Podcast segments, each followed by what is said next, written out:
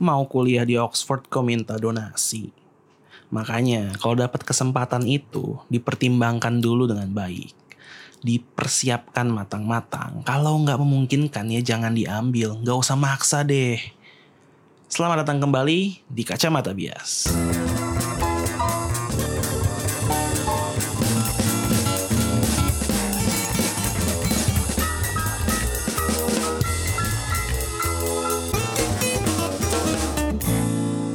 Kalian mendengarkan Kacamata Bias, sebuah spektrum dari zona abu-abu podcast tempat gue mengeluarkan unek-unek gue, mengeluarkan pandangan gue dan perspektif gue mengenai isu-isu terkini yang menarik perhatian. Dan kali ini yang ingin gue angkat adalah kisah mengenai Oxford Girl, kalau nggak salah namanya Kay, Kay Jessica, I think, yang sempat viral, bukan sempat viral, saat podcast ini di take, ini masih menjadi bahan pergunjingan yang cukup hot di kalangan netizen terutama di Twitter. Jadi kasus ini bermula yang gue tahu dari tweetnya Gustika. Um, Gustika ini adalah cucunya Muhammad Hatta, di mana dia mempromosikan untuk sebuah page kita bisa yaitu mengenai seorang perempuan yang Kay ini bernama Kay ini yang sedang menempuh pendidikan di Oxford University Inggris. Kay membutuhkan dana untuk bisa menyelesaikan gelarnya, menyelesaikan studinya gelar master kalau nggak salah, dan kalau tidak segera dilunasi, dia akan di drop out. Dari page kita bisa tersebut uh, ada ceritanya latar belakangnya. Jadi Kay sudah sempat mengajukan suspensi selama satu tahun dan dia harus segera, segera melunasinya, segera melunasi sisa pembayarannya kalau mau lulus dan dia telah menempuh segala cara katanya dan ini merupakan langkah terakhir yang bisa dia coba demi mewujudkan cita-citanya. Dan tentu saja hal seperti ini menimbulkan pro dan kontra. Pro-nya adalah ya mereka salut lah dengan perjuangan seorang wanita muda yang punya cita-cita sangat besar berkuliah di Oxford University dan ilmunya mau dipakai untuk mengabdi kepada um, bisa dibilang organisasi ya, bukan organisasi, mungkin institusi hukum di Indonesia. Jadi ada banyak yang mendukung. Yang kontranya, yang dan dari yang gue baca, dari yang gue lihat, kayaknya lebih banyak. Mereka kontra dengan berbagai alasan. Satu, ya lu kan dapet kuliah di Oxford ini bukan melalui jalur beasiswa full. Lu harus sudah tahu kondisi ekonomi lu dan keluarga. Kalau memang tidak memungkinkan gak usah maksa dibandingkan lu maksa dan akhirnya malah dalam tanda kutip ngemis-ngemis minta donasi. Yang lainnya bilang bahwa di Instagram cewek ini dia memakai tas-tas mahal, tas LV atau eh, barang-barang uh, lain, terus scarf brand apa gitu yang mahal-mahal ya lu bisa pakai brand itu tapi kenapa harus minta donasi? Mungkin orang ini tidak bijak dalam mengelola keuangannya. Terus ada yang lain lagi yang bilang bahwa kayaknya dia tidak bekerja cukup keras, bahwa di luar sana banyak mahasiswa Indonesia yang kuliah sambil kerja part time dan bisa membiayai kuliahnya.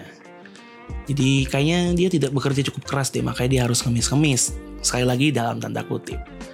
Nah, terlepas dari pro dan kontra, gue ingin mengeluarkan perspektif gue. Yang pertama, kalau di Indonesia, donasi itu identik dengan membantu orang yang tidak mampu. Membantu orang yang terkena musibah, membantu korban bencana, dan lain-lain. Tapi tidak demikian dengan sistem organisasi atau um, mungkin bisa gue bilang bisnis ya. Karena mereka yang um, penyalur-penyalur donasi ini eh bukan penyalur yang mem, apa website-website yang menyediakan fitur donasi ini biasanya mereka mengambil persenan. Jadi mungkin bisa gue bilang bisnis. Um, bisnis donasi ini uh, di luar sana tidak terbatas hanya seperti stigma yang orang Indonesia punya terhadap um, dalam tanda kutip bisnis donasi di luar sana ada banyak sekali donasi untuk hal-hal yang mungkin tidak ada di Indonesia. Misalnya gue pernah bekerja di sebuah perusahaan startup.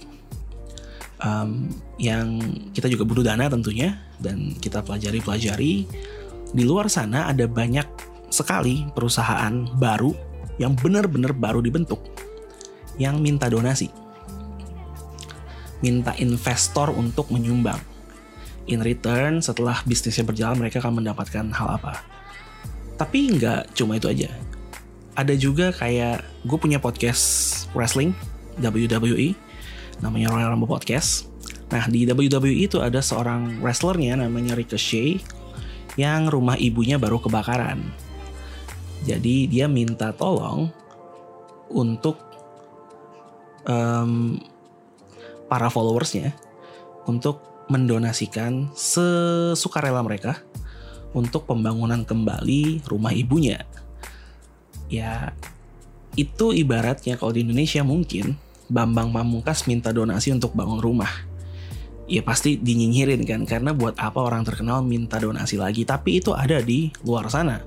Dan masih banyak donasi-donasi lain yang dipergunakan atau diperuntukkan untuk beragam beragam tujuan, tidak hanya terbatas seperti uh, korban musibah atau bencana atau kepada mereka yang tidak mampu. Jadi itu merupakan sebuah praktik yang cukup lumrah di luar sana. Dan seperti pada donasi-donasi lain ya kalau lu tergerak untuk membantu ya silakan. Tapi kalau lu tidak tergerak untuk membantu ya nggak apa-apa juga. Mungkin ada orang lain yang membantu, yang tergerak untuk membantu.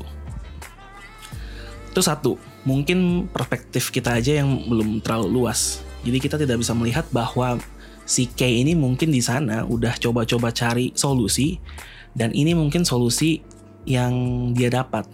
Ini mungkin langkah terakhir yang bisa dia tempuh.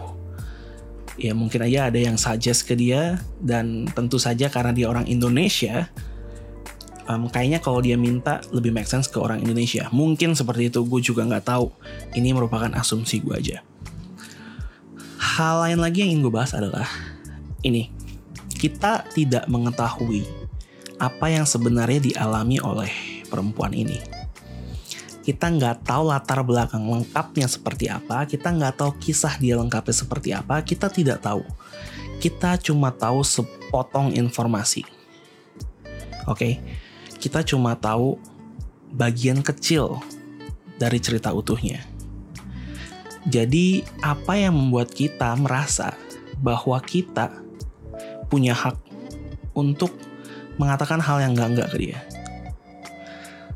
Ada yang nyinyir ini itu uh, tentang barang-barang mahalnya. Um, kita nggak tahu dia mendapatkan barang itu dari mana. Kita bahkan nggak tahu apakah dia masih punya barang itu atau enggak. Dari yang gue baca, gue tahu dia udah mengumpulkan sekitar kurang lebih 2000 pound sterling untuk dibayarkan dan itu masih jauh. Yang dia butuhkan sekitar 9 ribuan kalau gue nggak salah. Dia bisa mengumpulkan sekitar 2000 pound sterling seorang diri. Ya gue mikir mungkin mungkin bisa aja dia menjual barang-barang yang dia punya. Who knows?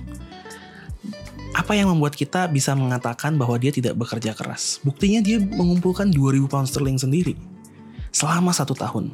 Untuk pembayaran terakhir biaya kuliahnya di Oxford Apakah itu berarti dia tidak bekerja keras? 2000 pound sterling. Sekarang gue tanya, lu bisa nggak ngumpulin 2000 pound sterling dalam setahun? Apa yang membuat kita bisa ngejudge dia tidak bekerja dengan keras? Gak ada.